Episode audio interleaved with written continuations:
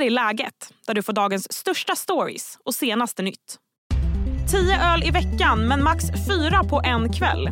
Ja, så låter Socialstyrelsens nya alkoholråd som presenterades idag. Den som dricker mer än så ska erbjudas vård. Men vad innebär det här egentligen? I dagens avsnitt snackar vi också upp kvällens match. Varför går det så dåligt för Sveriges herrlandslag i fotboll? Som vanligt får du även de allra senaste nyheterna. Jag heter Sally Sjöberg. Med mig nu har jag Expressens medicinreporter Amina Mansour. Hej Amina. Hej. Ja, det tog mig ett tag att förstå de här nya råden. Men jag är å andra sidan ingen medicinreporter. Vad, vad kände du när du läste dem? Nej, men, eh, det som jag tänkte först var att de här är inte riktade till allmänheten utan de kommer komma från Livsmedelsverket sen. Utan det här är råd som är till hälso och sjukvården. Eh, och då blir det ju någonting annat. Det här är för att vården ska kunna prata om alkohol till exempel och fånga upp personer som har ett riskbruk. Eh, men det jag tänkte på var att ja, men gränsen för män sänks för vad som är ett riskbruk. Eh, för kvinnor är den oförändrad. Och det, det har forskningen pekat på i senare år. Så jag, det, jag var inte jätteförvånad över det. Men kan vi i allmänheten ändå lyssna på det här eller ska vi vänta tills Livsmedelsverket kommer och säger vad de... Eller? Nej, men jag tycker absolut att man ska fundera över sitt liksom, bruk över alkohol. För att jag tror att det har funnits, och det finns nog fortfarande, en syn på att nej, men lite vin eller lite alkohol är nog bara bra för kroppen. Det är bra för blodtrycket kanske med, med lite rödvin då och då. Och det finns ju en del sån forskning men den har en del svagheter. Och, och nu har man ju kunnat se andra studier som då visar att de, ah, den, den nyttan för hjärta och kärl är nog inte så stor. Och sen så kan man se att riskerna för till exempel cancer är tydligare nu. Så man vet mer om skadebruket kring alkohol. Och det gör ju att liksom man förändrar de här råden och rekommendationerna allt eftersom och gränserna.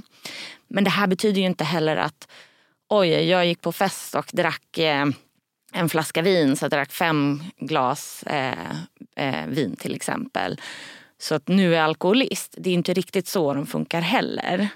Nej, men om vi bara ska läsa upp det som står i de här råden då. Det som gäller för män och kvinnor, 10 glas i veckan som jag sa. De här glasen ska spridas ut på veckan. Man ska inte dricka mer än fyra glas eh, per tillfälle. En gång i månaden får man göra det här. Ska vi förstå det här som att Socialstyrelsen vill bort lite från eh, det här supandet om man kan kalla det så? Ja, men generellt sett ja. Alltså att eh, de här standardglasen som man pratar om, de är ju inte liksom eh, en öl är 33 centiliter, ett vinglas som ja, mellan 10, 12 till 15 centiliter, ett, ja, ett litet vinglas eller 4 centiliter starksprit. Så att det är ju inte det är inga stora mängder alkohol. Eh, men det är ju också för att vad är gränsen för ett måttligt drickande och hur stora riskerna är med ett måttligt drickande. De är man faktiskt inte riktigt säker på. Men vet, vet forskningen, eller har den kunnat visa på något sätt att det är ännu farligare ju mer man dricker per tillfälle? Ja, och det är nog de flesta forskare överens om till och med. Att liksom, man ser att riskerna ökar med mängden men också om man dricker mycket vid ett och samma tillfälle. Eh, och det är det som man tar fasta på här. Vi ska strax prata mer med Amina Mansour, men först en kort nyhetsuppdatering. Den som studerar vidare efter gymnasiet kommer få mer pengar i plånboken. Med start nästa år höjs studiemedlet med 1100 kronor i månaden. Samtidigt höjs även det så kallade fribeloppet, alltså hur mycket en person max får tjäna innan studiemedlet påverkas. Den nya gränsen kommer att ligga på 18 500 kronor i månaden. Tidigt i morse hittades en skottskadad person i en trappuppgång i Uppsala stadsdelen Sala backe. Nu rapporteras det att personen avlidit. På adressen ska enligt uppgifter en släkting till Rawa Majid eller Kurdiska räven vara skriven. Men det är en annan person som sköts. Det här är det tredje våldsdådet på bara några dagar i Uppsala. I förra veckan dog en kvinna i 60-årsåldern efter att ha skjutits i Gränbyområdet. Och natten till söndagen riktades också en skottlossning mot den kurdiska rävens svärmor i Uppsala. Det här enligt polisens teori. Nordkoreas diktator Kim Jong-Un har rest till ryska Vladivostok med tåg. Det här för att träffa Rysslands president Vladimir Putin. Putin och Jong-Un ska bland annat diskutera hur Nordkorea kan förse Ryssland med vapen som kan användas i kriget i Ukraina. Resan till Vladivostok tar längre tid än man kan tro. Det tåg som Kim Jong-Un reser med är nämligen bepansrat och väger otroligt mycket. Det kan därför bara hålla en hastighet på ungefär 50 kilometer i timmen. Hej, Ulf Kristersson här. På många sätt är det en mörk tid vi lever i. Men nu tar vi ett stort steg för att göra Sverige till en tryggare och säkrare plats. Sverige är nu medlem i Nato. En för alla, alla för en. Vi är specialister på det vi gör, precis som du.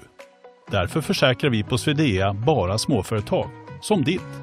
För oss är små företag alltid större än stora och vår företagsförsäkring anpassar sig helt efter firmans förutsättningar. Gå in på swedea.se företag och jämför själv.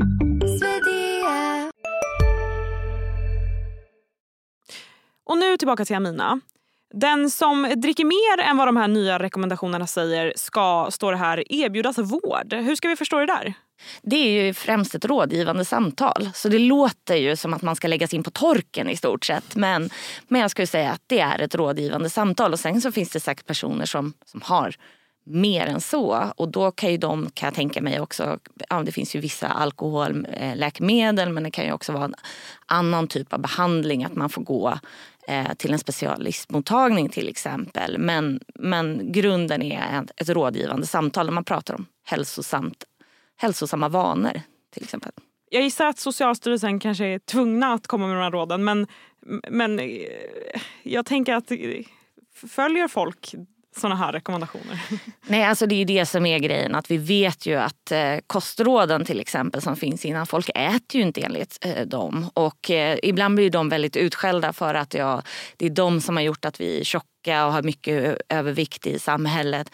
Det är det ju inte för folk äter ju inte enligt dem. Men jag tror, och det här behöver man ju titta på liksom befolkningen i stort. När man ger såna här råd då handlar det om att förbättra om bara någon dricker lite mindre eller många börjar dricka bara något glas mindre så kan man ju förbättra hälsan i befolkningen. Men för enskilda individer så är ju riskökningen kanske, ja den är väldigt svår att säga för den är väldigt individuell. Så hur ska man tänka nu då? Ja, men som sagt, det här är ju råd till vården men jag tycker att det är klart att man kan fundera över sitt alkoholbruk och liksom ha, blir man orolig eller alltså har man vad man inser kanske är att ja, oh, jag drack nog lite för mycket och jag gör det nog lite för ofta. Då kan man ju fundera på det här. Man kan ju också ta upp det med vården när man träffar dem. Eh, om man söker vård för någonting annat till exempel. Men sen ja, men man kan ju fundera på ja, men hur är mina levnadsvanor i övrigt till exempel. Motionerar jag, tränar jag, äter jag nyttigt? Så det är klart att man kan förbättra dem också. Men man kanske inte ska stressa upp sig jättemycket över det här om man ligger på gränsen till vad som skulle kunna vara ett riskbruk. Men man kan ju fundera på, måste jag ta, kan jag dricka varannan vatten ibland till exempel? Den har vi aldrig hört förut. Aldrig. Tack Amina. Tack så mycket. Alldeles strax ska vi få veta varför det går så dåligt för fotbollsherrarna. Men först blir det fler nyheter. Grottforskaren Mark Dickey som varit fast tusen meter under jord i en grotta i Turkiet har räddats efter en insats som inkluderade 150 personer. It is amazing to be above ground again. I was underground for far longer than ever expected with an, with an unexpected medical issue. The, the support of the Turkish government saved my life, literally no questions asked. Ett hastigt sjukdomsfall låg bakom att Dicky behövde räddas. Och operationen tog lång tid eftersom grottan har många smala passager och att Dicky var tvungen att bäras ut på bår. NASA har med hjälp av James Webb-teleskopet hittat en jätteplanet där man tror att en stor del av ytan täcks av hav och som har visat tecken på potentiellt liv. På planeten har NASA upptäckt förekomsten av en molekyl kallad dimetylsulfid. En molekyl som i alla fall här på jorden bara kan produceras av liv. En detaljstudie av planeten på plats blir däremot lite svårt eftersom den ligger 120 ljusår bort. Hej, Synoptik här. Hos oss får du hjälp med att ta hand om din ögonhälsa. Med vår synundersökning kan vi upptäcka både synförändringar och tecken på vanliga ögonsjukdomar. Boka tid på synoptik.se. Och nu blir det sport.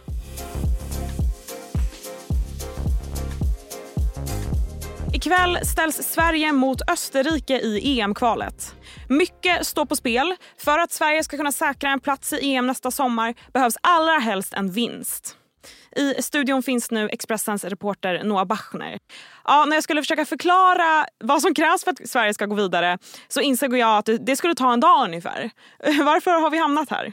För att de har förlorat mot eh, både Österrike och Belgien i början av det här kvalspelet och det har gjort att eh, det nu är en pressad situation där man egentligen kan säga att de måste vinna resten av matcherna. De måste vinna mot Österrike ikväll och de måste vinna mot Azerbajdzjan och de måste vinna mot Belgien igen på bortaplan. Så att, eh, ja, Sverige är ett vinna, vinna eller försvinna läge kan man säga. Eh, och som jag förstår det då så allra helst så ska vi vinna med 2-0. Har jag förstått rätt? Ja, eftersom om vi skulle hamna på samma poäng som Österrike, det vill säga att Österrike går på ytterligare någon plump här och Sverige går rent, så eh, behöver vi ha bättre inbördes möten. Och eftersom Österrike vann med 2-0 nere i Wien så behöver Sverige ha ett resultat som motsvarar det helt enkelt nu. Vinner vi med 1-0 så kommer Österrike sluta före oss på inbördes möten annars.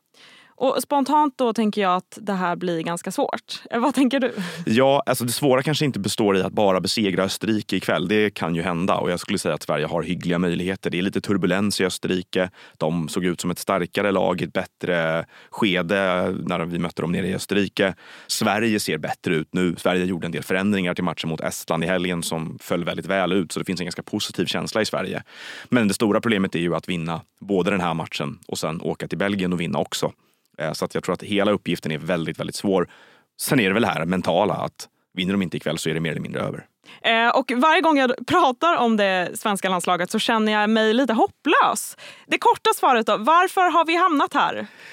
Det har blivit väldigt negativt runt herrlandslaget de senaste två åren. Det har varit en negativ resultattrend. De missade VM i Qatar. De åkte ur sin grupp i Nations League ner till C-divisionen efter att ha förlorat mot Norge bland annat.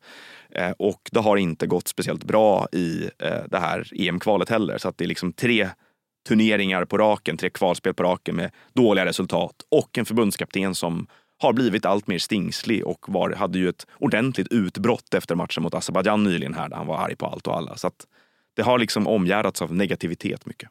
Men du tror ändå inte att det är kört ikväll? Vad, vad hoppas du? Eller ja, om man, bland, man blandar vad hoppas och vad tror du vad som kommer hända? Nej, hoppas jag. Det vore ju roligare för slutet på, på kvalet här såklart att Sverige vinner mot Österrike och ger sig själva chansen. För då blir det ju spännande även mot, jag tror de kommer slå Azerbajdzjan eh, nere i Baku och då blir det ju intressant att se vad som händer i Belgien här eh, lite senare i höst. Men vad jag tror är väl att det är en 50-50 match egentligen. Där Österrike har en ganska tacksam position, utgångsposition i och med att de inte behöver gå före. De kan spela lite mer avvaktande och försöka ställa om på Sverige. Sverige måste vinna så Sverige måste liksom trycka på lite mer.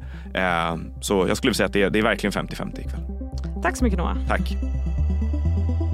Och där sätter vi punkt för idag. Läget kommer ju ut varje vardag så se till att du följer podden. Jag är tillbaka imorgon igen. Tack för att du har lyssnat. Du har lyssnat på en podcast från Expressen. Ansvarig utgivare Klas Granström